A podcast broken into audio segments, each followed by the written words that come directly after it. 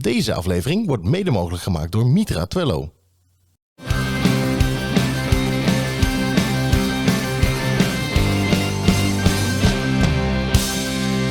Twee meiden uit het onderwijs, een goed glas wijn en een pot vol stellingen en vragen waardoor ze nooit uitgepraat raken. Dit is Wijn in het Onderwijs. Welkom bij aflevering 9 van Wijn in het Onderwijs. Wij gaan zo meteen in gesprek eh, met Wim den Blanken. Ja, hij noemt zichzelf pionier van de vrije school. En eh, wat dat betekent, dat ga je horen of zien in aflevering 9. Leuk, zin in Kim. Wijn in het Onderwijs. Hoi Wim, welkom bij ons aan tafel. Ehm, aflevering 9 alweer. Zou je je willen voorstellen aan onze luisteraars? Dat wil ik zeker. Dankjewel. Leuk om hier te zijn. Ehm, ik ben eh, Wim den Blanke. Ik ben 57 jaar, vader van drie volwassen kinderen en vier eh, kleinkinderen. Ehm, ik ben ooit begonnen in de reintegratiebranche. Na een eh, opleiding personeel en arbeid. En heb na zo'n 16 jaar de overstap gemaakt naar het onderwijs. Een van de beste besluiten ooit die ik eh, heb gemaakt. Ehm, en ben sindsdien dus werkzaam. Eerst begonnen op een basisschool als directeur in Winterswijk. Eh, drie maanden later kreeg ik er een school bij in Enschede. Daar heb ik drie jaar gezeten. Toen heb ik de overstap gemaakt naar de Kleine Johannes hier in Deventer. Dat is een vrije school, basisschool. Ook allemaal eh, als directeur. Allemaal als directeur, ja. Mhm. Daar heb ik eh, zeven jaar gewerkt. En toen werd ik gevraagd vanuit een ouder initiatief wat er op die, eh, op die eh, vrije school ook was, om te helpen met het opzetten van een middelbare school. En een vrije school ook hier in Deventer. Daar ben ik ook mee gestart en dat heb ik in de afgelopen vijf jaar gedaan. Die school heet het Corberik, onderdeel van het Etty Hillesum Lyceum. Ja. Ehm, en daar heb ik eh, voor de zomer afscheid genomen. Met eh, veel tranen. Eh, want het is een geweldige school. En ik ben nu voor mezelf begonnen. Ik ben interim manager. En ik geef trainingen aan schoolleiders. Ja, jeetje. Ja. In de richting van de vrije school dan dus ook. Ja, ja, nou het zijn managementopleidingen. Dus eh, directeuren die starten als directeur. En er is ook een traject waar ik eh, training geef van eh, ervaren directeuren, maar die voor het eerst op een vrije school dan directeur Oh ja. worden. Want het is een apart volk. Ja. Ehm, dus die, die zitten dan in een leergang waarin ze ja, kennis maken met wat het is om op een vrije school leiding te geven. Want hoe is het een apart volk? Ehm, ja, even heel kort door de bocht gezegd, eh, de, de, de, zeg maar in de genen van de vrije school, eh, in, het, in, het, in het systeem van de vrije school zit dat er veel ehm, zelfsturing vanuit het team eh, is. Hm. Dus de vrije school heeft een lange, een lange tijd van hiërarchie niet, niet accepteren of dat het geen, geen onderdeel is van, van, van hoe het georganiseerd wordt. Ehm, dus dat merk je, dat eh, het eh, docentencollege vaak zelfsturing wil geven. Dat maakt het wat lastiger als directeur om dat te doen. Ehm, en in het vrije schoolonderwijs spelen de ouders ook een belangrijke rol. Ja. Mm. Eh, omdat we ook daar echt als een gemeenschap en als gezamenlijke pedagogische partners in die vrije scholen aan de ontwikkeling van die kinderen willen werken. En dat brengt ook een aparte dynamiek met zich mee. Ja. Eh, in het basisonderwijs. Vrij, in het voortgezet onderwijs is dat een stuk minder. Maar in het basisonderwijs is dat wel, een, eh, wel iets om rekening mee. Ja, ja, super interessant. Ja. Weet je, ik weet eigenlijk maar heel weinig van de vrije school. Vrije school, dan zie ik altijd, even ook heel kort door de bocht, eh, mannen met lang haar en knotjes, vrouwen met zelfgebreide eh, sokken en eh, Nou, kinderen ja. met gewaden. Dat was altijd een beetje mijn beeld. Ja, een Dus- is zo dat alle kinderen wollen ondergoed ja, precies, precies. Maar nou ja, goed, dat is natuurlijk ook eh, niet helemaal. eh, Maar helemaal misschien ook, hebben meer mensen dat beeld wel. En kunnen wij nu Ja. met deze aflevering Ja. dat beeld ook een beetje... bijstellen. Ja. maar dat klopt al lang niet meer. Nee, Nee, precies. nee. Niet Nee, meer, zeg je. Nee, het was ooit, ooit eh, dat beeld wat jullie nu schetsen, dat, dat De kwam wel heel dicht bij de ja, realiteit. ja. eh, Ja, maar dat, dat praat je 20, 30 jaar terug. Ja, leuk, wel interessant. Maar volgens mij hebben we ook nog wat eh, heel belangrijks. Waar Ja, we allemaal zitten te smachten. Zeg maar, het, het, misschien wel het ene belangrijkste uit onze podcast. de wijn. De wijn. Ja. Ehm, ga jij hem inschenken? Ja, dan ga jij wat erover vertellen. Ja, daar ga ik even wat over vertellen. Doe ik natuurlijk niet uit mijn hoofd. Ik heb even een speakbriefje. Ehm, ja, eh, wij zijn natuurlijk eh, gesponsord door eh, de Mitra in Twello. En daar zijn we heel blij mee. En ehm, We hebben dit keer een Chardonnay. En het is een Chardonnay hè? Ja. die, ehm, ja, nou niet helemaal wit, want hij heeft dus een goudgele strookkleur. En dat komt dus vooral door acaciabloemen, persik en abrikoos. Omdat die smaken, tinten erin verweven zitten. Verwoven zitten, ik weet het niet. Ik zou het moeten weten, ik ben docent Nederlands, Ja. maar doe maar. Maar daarom, daar komt dus de kleur vandaan. Ik Dus, wel ehm, prachtig. ja, hij wordt ook wel gegeten bij eh, geitenkaas. Als we het dan toch hebben over geitenwolle sokken. Oh jij ja, houdt oh, niet van, ja, jij houdt niet van Ik geitenkaas, eet, hè? Ik eet helemaal geen kaas. Oh nee, jij hebt überhaupt, jij dus Ja, überhaupt ik geen ben- kaas. Ja, nee, dat ja. is... moet, je, eh, moet je eens zeggen als je de kaasboer loopt en zeggen, als je dan kaas bestelt en dan vragen ze, wilt u een stukje proeven? Nee, ik lust geen kaas. Dus niet meer. Maar goed, oké, even heel wat anders. Cheers. Ja, Cheers. Proost. Heel Maar ik goed. zag dat het, ook, dat het ook een, eh, een, een menging is met Viognier eh, druif. Dus Oh, Kijk, dat heb ik niet eens gezien. Ja, maar ja, nou heel goed. Kijk, een hebben we het, hebben we het te maken met een kenner? Ja, ik wou het net zeggen. ik, eh, ben, ik ben wel heel erg gek op wijn. Nou, eigenlijk moet ik zeggen was, want door eh, corona is een deel van mijn reuk eh, weg. Mm. Oh, En dat maakt dat ik een stuk minder geniet van de wijn. Dat is wel echt een drama. Ja, wat jammer. Ja, nou, dan hoop ik dat je toch van deze kunt genieten. proost. Cheers. Ik heb al een slok op, stiekem. Ik dacht namelijk toen jij zei met abrikoos en pers, persik en toestanden, die is hartstikke zoet, maar dat is helemaal niet zo. Nee, Ik vind het een lekker wijntje. nee maar het is ook een, een krachtige, Mhm. maar delicate wijn. Nou, dat, dat blijkt maar weer. Maar ehm, we hebben het eh, in de vorige aflevering gehad. eh, want zo kwamen we eigenlijk als bruggetje bij jou terecht. We hebben het gehad over onder andere eh, autonomie in het onderwijs. En ehm, ja, toen dachten we toch eigenlijk, oh, ons beeld van de vrije school klopt misschien niet helemaal, maar is toch dat leerlingen daar wel ja, met de nodige autonomie op school zitten, dat ze dat ook aangeleerd wordt of dat ze dat al weten of dat ze dat al kunnen. Ehm, dus dat was eigenlijk, ja, ik ben wel benieuwd, klopt dat beeld? Kun je dat bevestigen of, of is dat totaal misplaatst? Ehm, nou, het is redelijk misplaatst. Ik denk, ehm, ik ken zeg maar, de andere, andere concepten als Montessori, Dalton en Vrijnet en zo, die ken ik niet zo goed. Maar ik denk dat als je kijkt naar als het gaat om autonomie, om, om eh, meer bij de kinderen te leggen, dat Montessori en Dalton bijvoorbeeld wel eens wat meer eh, autonomie eh, in, het, in het onderwijs heeft zitten dan dat de vrije scholen dat hebben. Bij de vrije scholen is het eigenlijk zo dat ehm, het, eh, het, het onderwijs is eigenlijk gebaseerd op wat, wat genoemd wordt een menskundige visie. Dus daar waar heel veel andere onderwijzen concepten zijn die vooral eh, didactisch eh, zijn, onderwijskundig zijn, komt het vrije schoolonderwijs eigenlijk voort uit echt een, een mensvisie. Over hoe mensen zich ontwikkelen en hoe kinderen zich ontwikkelen. En als je kijkt met vooral in het, in het basisonderwijs, maar ook in de eerste jaren van het voortgezet onderwijs, dan proberen de docenten aan te sluiten bij waar zitten die kinderen in hun ontwikkeling. Eh, en hun, wat ze aanbieden in het onderwijs, daarop aan te laten sluiten. Oh ja.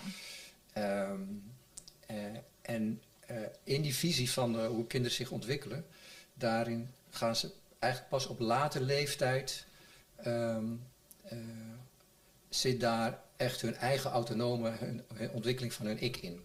Dus daar sluit je echt pas later aan bij dat ze heel veel zelf bepalen hoe het onderwijs eruit moet zien. Dat wil niet zeggen dat, ze, dat we dat niet bij hun stimuleren. Want wat wel een, bijvoorbeeld een, belangrijke, eh, een belangrijk voorbeeld is van hoe we het onderwijs in het vrij schoolonderwijs onderwijs geven, is het zogenaamde periodeonderwijs. Ja. Oh. Eh, dat, eh, we kennen vaklessen en we kennen periodeonderwijs. In het periodeonderwijs maakt een docent zelf zijn lessen. Dus er wordt niet uit de methode gewerkt. Oh. Maar er wordt wel eh, aan de hand van een thema, wat ook weer past bij die ontwikkeling van het kind, ehm, gaan, eh, elke dag gaat de docent een blokuur met de hele klas de diepte in over dat onderwerp. Drie weken lang. En na die drie weken wordt het afgesloten. Ehm, en eh, ik vind dat prachtig, want omdat er niet met de methode wordt gewerkt, is die docent werkt dus echt vanuit eigen enthousiasme over dat onderwerp. Ja. Maakt zelf de lessen. Daarmee springt die vonk eh, ook eerder over op de kinderen. Ja, je zit echt een docent in zijn kracht. Precies. Eh, maar wat Ja. het ook betekent is dat die, dat die docent, en dat is ook de bedoeling, kan inspelen op wat gebeurt er in de klas. Hm. Dus die hoeft niet bezig te zijn met morgen moet ik hoofdstuk 2 af hebben. Die kan gewoon merken, oh wacht even, ik was van plan om dat doel te halen, maar eh, de klas vindt dit heel interessant. Ja. Dus ik ga hier nu met de klas, maak ik even een zijpaadje en ga ik eventjes een omweggetje maken, want Hier wil de klas mee aan de slag. Ja. Dus die kan ook veel beter inspelen op wat door die klas wordt aangegeven van eh, docent, hier willen wij dieper op ingaan. Dus daar zit ook iets van autonomie in. Ja.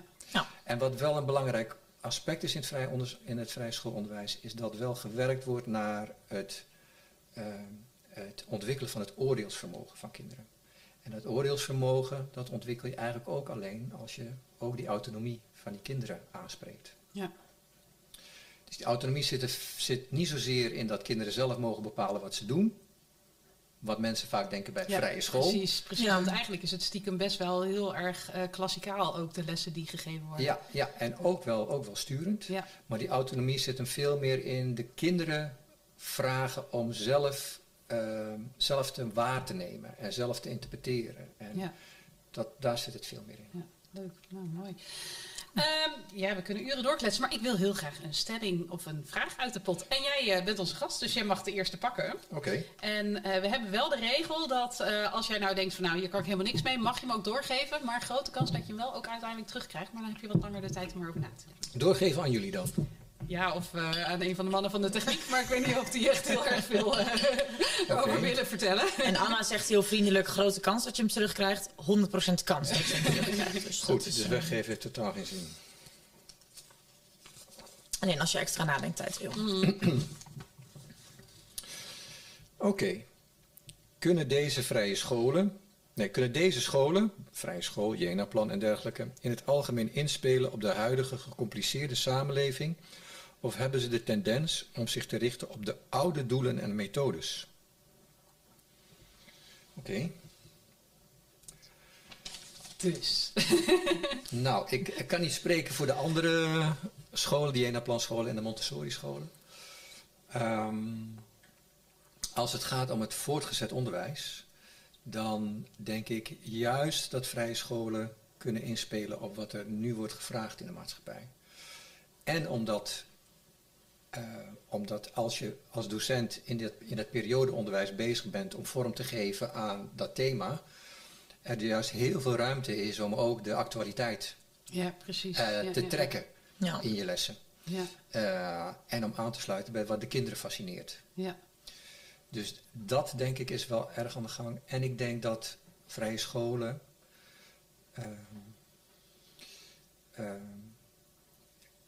Ik, ik denk wat, wat de samenleving vraagt is niet zozeer eh, alleen kennis opdoen. Maar gaat echt ook over het ontwikkelen van, eh, van vaardigheden. Maar ook van ontwikkeling van je, van je persoonlijkheid. Wat ik net, net zei, hè? Dus, Ja. dus ook het, het beoordeelsvermogen en dergelijke. En dat wordt volgens mij steeds belangrijker in een samenleving waarin zoveel keuzes zijn.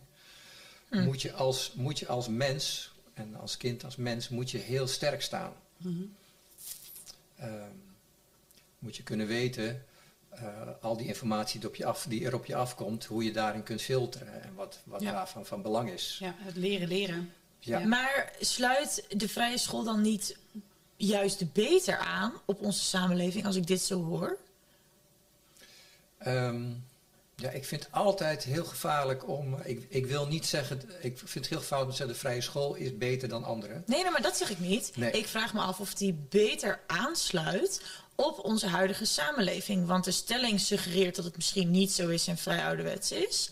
Terwijl ik jou nu hoor zeggen, joh, ehm, wij pakken juist heel erg de actualiteiten in de klas. We pakken juist heel erg Ja. ehm, wat kinderen bezighoudt in de klas. We sluiten perfect aan bij de belevingswereld. Ehm, we laten ze groeien, we geven ze kennis en vaardigheden, want kennis is niet alles. Terwijl ik soms als vakdocent in het regulier onderwijs het gevoel heb: jeetje, kennis is alles. Mijn leerlingen worden alleen maar volgestouwd met kennis, er zitten weinig vaardigheden in. Ja. En dan is Nederlands nog een redelijk vaardigheidsvak. Nou is het wel zo. Ik heb natuurlijk eh, onderzoek gedaan. en Natuurlijk. meegelezen in het, eh, in het thema.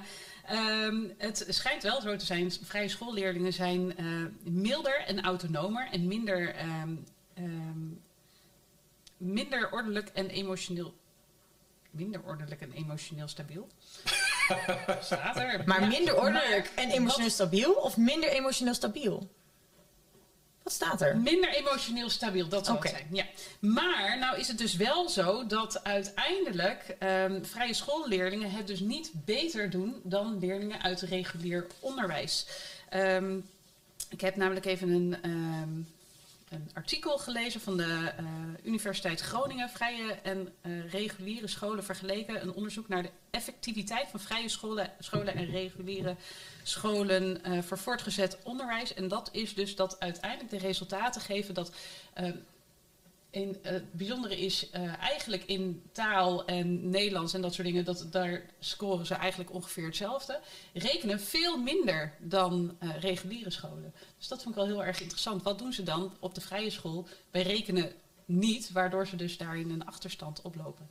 En ehm, dat, dat was wat, wat mij vooral. ehm, Maar je hebt het nu over resultaten, maar dan gaat Dan dus heb je het dus vooral over over, toetsen en en over, over kennis. kennis en over die cognitieve Ja. vaardigheden. En dan heb je dus niet inderdaad over de sociaal-emotionele leerlingen en het leren, leren, dat soort dingen. Daar heb je het dus niet over. Wat ik wel, mijn, ik heb drie kinderen die hebben alle drie de vrije school gedaan, zowel basis voortgezet. En ik, en ik zit natuurlijk nu ook al inmiddels 16 jaar in het vrije, vrije schoolonderwijs.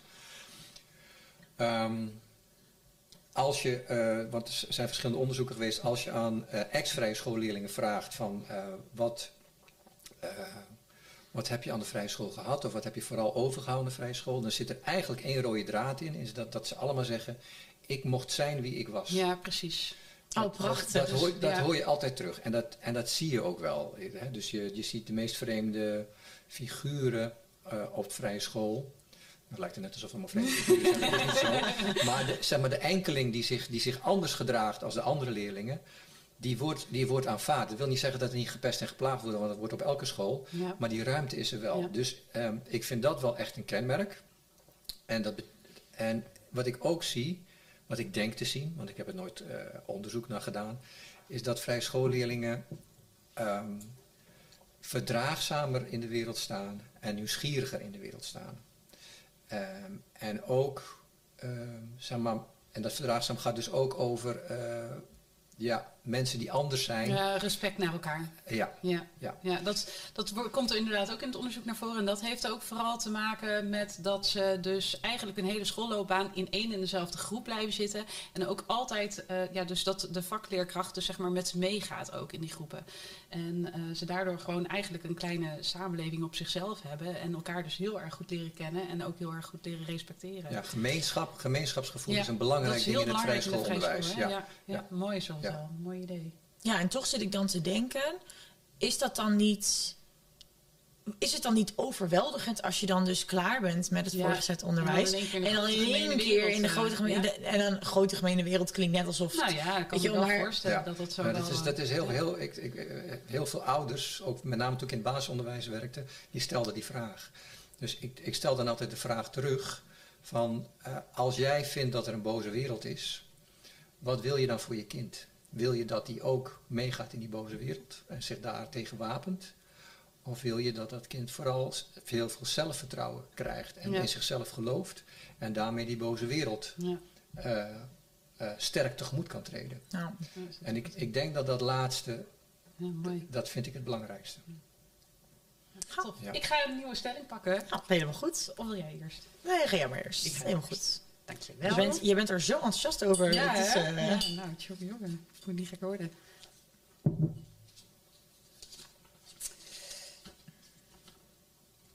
Eh, vaak hebben de alternatieve scholen in hun vaandel staan dat het kind centraal staat. Maar is dat ook zo? Ehm, ik heb zelf vroeger op een Jena-plan scho- basisschool gezeten. Oh, Ja. ja, dat ging niet helemaal goed. want? Ehm, nou ja, ehm, dat, dat ik, eh, ja, stond ik, eh, stond ik ehm, als st- stond ik als kind centraal? Dat weet ik namelijk niet.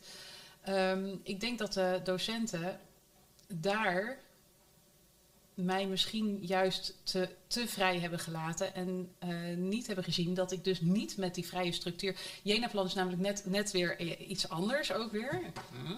Jena-plan zegt dus het kind staat, staat centraal. Ja. Ehm, uniek in zijn ontwikkeling, talenten en leerstijl. Kinderen leren eh, van die verschillen en, en respecteren Eh, ook aandacht voor gesprek, spel en viering. Nou, viering, dat weet ik ook nog heel goed. We hadden elke week hadden we dus een, een weekafsluiting. En dan werd er dus ook van alles gedaan op het podium en zo. Ehm, maar eigenlijk ben ik daar dus weggehaald in groep 5, omdat ik een leerachterstand had. Want ehm, ja, taal, dat vond ik echt helemaal niks. Dat, dat, dus dan deed ik mijn boek weer dicht en dan ging ik knutselen. Dus eigenlijk heb ik gewoon de eerste vijf jaar van mijn basisschoolonderwijs heb ik geknutseld. Dus daar ben ik ook heel goed in. Maar de rest, daar had ik gewoon echt een, ehm, een leerachterstand. En dan weet ik dus niet of ik dan op dat moment daar ook echt centraal heb gestaan. Dat de docenten ook zien, oké, zij heeft misschien wat meer sturing nodig. Want ze doet dat boek veel te snel uh, dicht. En gaat zich dus veel minder met datgene wat ze dus eigenlijk zou moeten doen, bezighouden. Hmm. Ja, ik denk, ik denk zelf, elke school moet gewoon het vanzelfsprekend vinden dat de einddoelen gehaald moeten worden. Ja. Dus dat is in de categorie van het moest er nog eens bij komen van niet. Ehm, je, uh, dus de opdracht 1, als het ware, is, uh, want je, je, wordt betaald door de overheid, dus die stelt een aantal doelen. Dus je moet gewoon zorgen dat die doelen gehaald worden, ja. zowel taal en rekenen. Dus dat moet gewoon gedaan worden. Ja. Maar de, uh, er wordt heel veel vrijheid gelaten over het hoe. Ja. Hoe ga je dat nou doen? Dus wat jij vertelt, wat mij betreft, betekent gewoon dat het onderwijs gewoon niet goed was. Ja. Nou ja, en, dat, en, uh, en dat komt op elke school voor. Dat kan op Jena-plan scholen. Ja. Ik ken ook vrije scholen. Met name in zeg maar 20, 30 jaar geleden werd gezegd, uh, daar kwamen de kinderen van de school af die niet, uh, die niet konden spellen. En die konden, nou werd, ja. Nee, maar we hebben allemaal kunstzinnige kinderen die dyslexie hebben. En, uh, maar is dan, dat misschien, is, dat is niet zo. is dan misschien niet iedereen geschikt voor Nee, dat denk ik Plan, ook. Dat denk ik ook. Dat niet iedereen vrije school. geschikt is, ja. Um, want als ik jou zo hoor, denk ik, ja, ik denk dat ik uh, rekenen, wiskunde, ik denk dat ik het allemaal geskipt had. Ja, precies. En ik was zeker niet gaan knutselen. Ja, maar daarnaast vraag ik mij dan af, want, want jij zegt ook um, dat, uh, dat ze bepaalde doelen ge, hè, behaald moeten hebben, maar hoe worden die doelen dan getoetst? Want mijn moeder zei, want ik heb natuurlijk even gebeld met mam, hoe zat het dan bij mij, wat is daar misgegaan? Ze zegt, ja, er werd ook gewoon heel slecht getoetst, dus het was ook gewoon heel moeilijk om te bepalen, waar zat jij nou? Ja. Ja, nou ja, hoe, hoe doen ze dat in de vrije school? Uh, dat wisselt. Uh, op het Corbrik toetsten wij minder dan op de reguliere scholen, maar wij toetsten wel degelijk regelmatig. Summatieve toetsen ook. Ja. Uh, ik denk zelf dat, uh, dan praat ik nu natuurlijk vaktaal voor, voor onderwijs. Ik denk zelf dat het formatief toetsen heel erg past bij vrijschoolonderwijs. Dus echt met kinderen kijken en kinderen feedback geven. Oké, okay, waar staan we nu? de doelen die behaald moeten worden en de ontwikkeling die we in willen zetten. Ben je op het goede spoor, vind je? Zie je dat zelf ook? Wat is er nog nodig? Waar kan ik je in ondersteunen? Um, dus voor mij dat summatieve toetsen, dat, um, ik kan me heel goed voorstellen dat je dat voor een groot deel achterwege laat. Mhm. Maar je moet wel degelijk steeds met kinderen ja. kijken, waar sta je? En wat is er nodig om je op het, op het goede niveau te krijgen? Ja. Dus ik denk, ik denk dat, dat, uh, dat dat wel belangrijk is. En is dat niveau dan algemeen of is dat niveau het niveau van het kind? Um, nou, je, je moet als, als school moet je, je doelen halen, je eindtermen. Uh, en je moet gaan kijken naar het individuele kind. En dan ga je dus differentiëren ja. van uh, wat, uh, wat is jouw onderwijsbehoefte? Hè, dus Ja. wat, wat heb jij daarin nodig? En dat, ja, dat gebeurt op heel veel scholen nog, nog niet goed. Want hoe zit dat bij, het, bij de vrije school? Hè? We, we zeiden aan het begin van het gesprek van die, die, die, die leerlingen gaan allemaal met elkaar mee. En uh, blijven dus in één groep met één dezelfde uh, vakdocent. Is het dus ook zo dat op het moment dat die leerling dus die doelen niet haalt, dat hij dan ook een klas teruggeplaatst kan worden? Of een leerling die heel erg goed is, juist. Of zijn we gewoon heel erg aan het uh, differentiëren in één zo'n klas? Omdat we daar heel veel verschillende niveaus in hebben zitten. We zijn nog, we zijn, we zijn nog denk ik, vaak amateuristisch nog aan het differentiëren in het voortgezet onderwijs. En er zijn een paar schoolconcepten waar kinderen niet meer uh, op, niveau, uh, op niveau worden ingedeeld en niet op klas worden ingedeeld. Hm. Uh, maar dat zijn er nog niet zoveel, denk ik. Okay. Maar het is ook echt een moeilijke kwestie. Ik vind het, het, is, het is lastig om te laveren tussen aan de ene kant te kijken van, want zeg maar, kinderen die in dezelfde leeftijdsfase hebben, in dezelfde leeftijdsfase zitten, als je die ver uit elkaar gaat trekken omdat je bij het niveau wil aansluiten, dan doe je ook iets in het sociaal-emotionele. Ja. Oh ja. Uh, mm. Omdat ze qua leeftijd sociaal-emotioneel wel bij elkaar horen. Dus dat is, dat is een ingewikkeld verhaal. Ja. Misschien moeten we toch maar eens op zoek dan naar een school waar ze dat dan al wel doen. Een middelbare school die differentiatie echt, echt op hoog niveau heeft. Ja. Dus bij deze, luister of kijk je nou naar onze podcast en denk je, wij zijn die middelbare school die differentiëren op orde heeft. Dan gaan we graag met jou in gesprek. Zeker. Hey, en ehm, ik vind het super gezellig. Maar de tijd vliegt als je het leuk hebt. Ja. En de wijn vliegt als je het leuk hebt. Ja, die verdampt. Ehm, maar gelukkig, Wim, hebben we voor jou nog, eh, nog iets. Eh, als bedankje dat je hebt aangeschoven in onze podcast. Ehm, en we hebben dit keer niet één ding, maar we hebben er wel twee. Ja, dat is echt superleuk. Is Nou, dat speciaal voor mij of gaan jullie dat voortaan? eh, Speciaal voor jou, Ja, natuurlijk speciaal ja. voor jou. Luister maar niet naar aflevering 10 straks. Nou, om te beginnen natuurlijk de welbekende wijn in het onderwijs mok. Met ehm, op de achtergrond de side note. Let op, bevat mogelijk alcohol. Want ja, je weet het maar nooit met wijn in het onderwijs. Die eh, mag je mee eh, gaan lopen shinen. En eh, Top, dankjewel. mensen jaloers mee maken. Want ik kan je vertellen, er zijn er zat die die graag willen hebben. En omdat de wijn zo snel ging, hebben we speciaal voor jou voor thuis nog een flesje van de wijn die we gedronken hebben vanavond. Ja, die hebben we ook gesponsord gekregen van eh, de Mitra in Tello. Dus Ja. daar zijn we heel erg blij mee. Dus eh, En, eh, die ga ik je ook overhandigen. nagenieten op de bank zelf. Nou, ik voel me echt heel verwend hier zo. Nou hè? Dankjewel. Je kunt ook die wijn trouwens in de mok doen. Ik weet alleen niet of je er dan mee op je werk moet gaan rondlopen. Ik kan Kan. gewoon zeggen dat het aanmaakt appelsap is. Ja, heel goed. iets wat lichter Ehm, appel- appelsap. Wim, ontzettend bedankt eh, dat je bij ons aan wilde sluiten. En ehm, ja, we, zijn nog lang niet uitgepraat. Nee, we maar zijn goed, nog lang niet uitgepraat. En we niet. hebben het net natuurlijk tijdens de, eh, tijdens de aflevering met elkaar gehad over ehm, actualiteiten in de les. Daar ben ik ook nog niet over uitgepraat. Dus dat vind ik een hele leuke voor de volgende. Ja, Ehm, voor nu.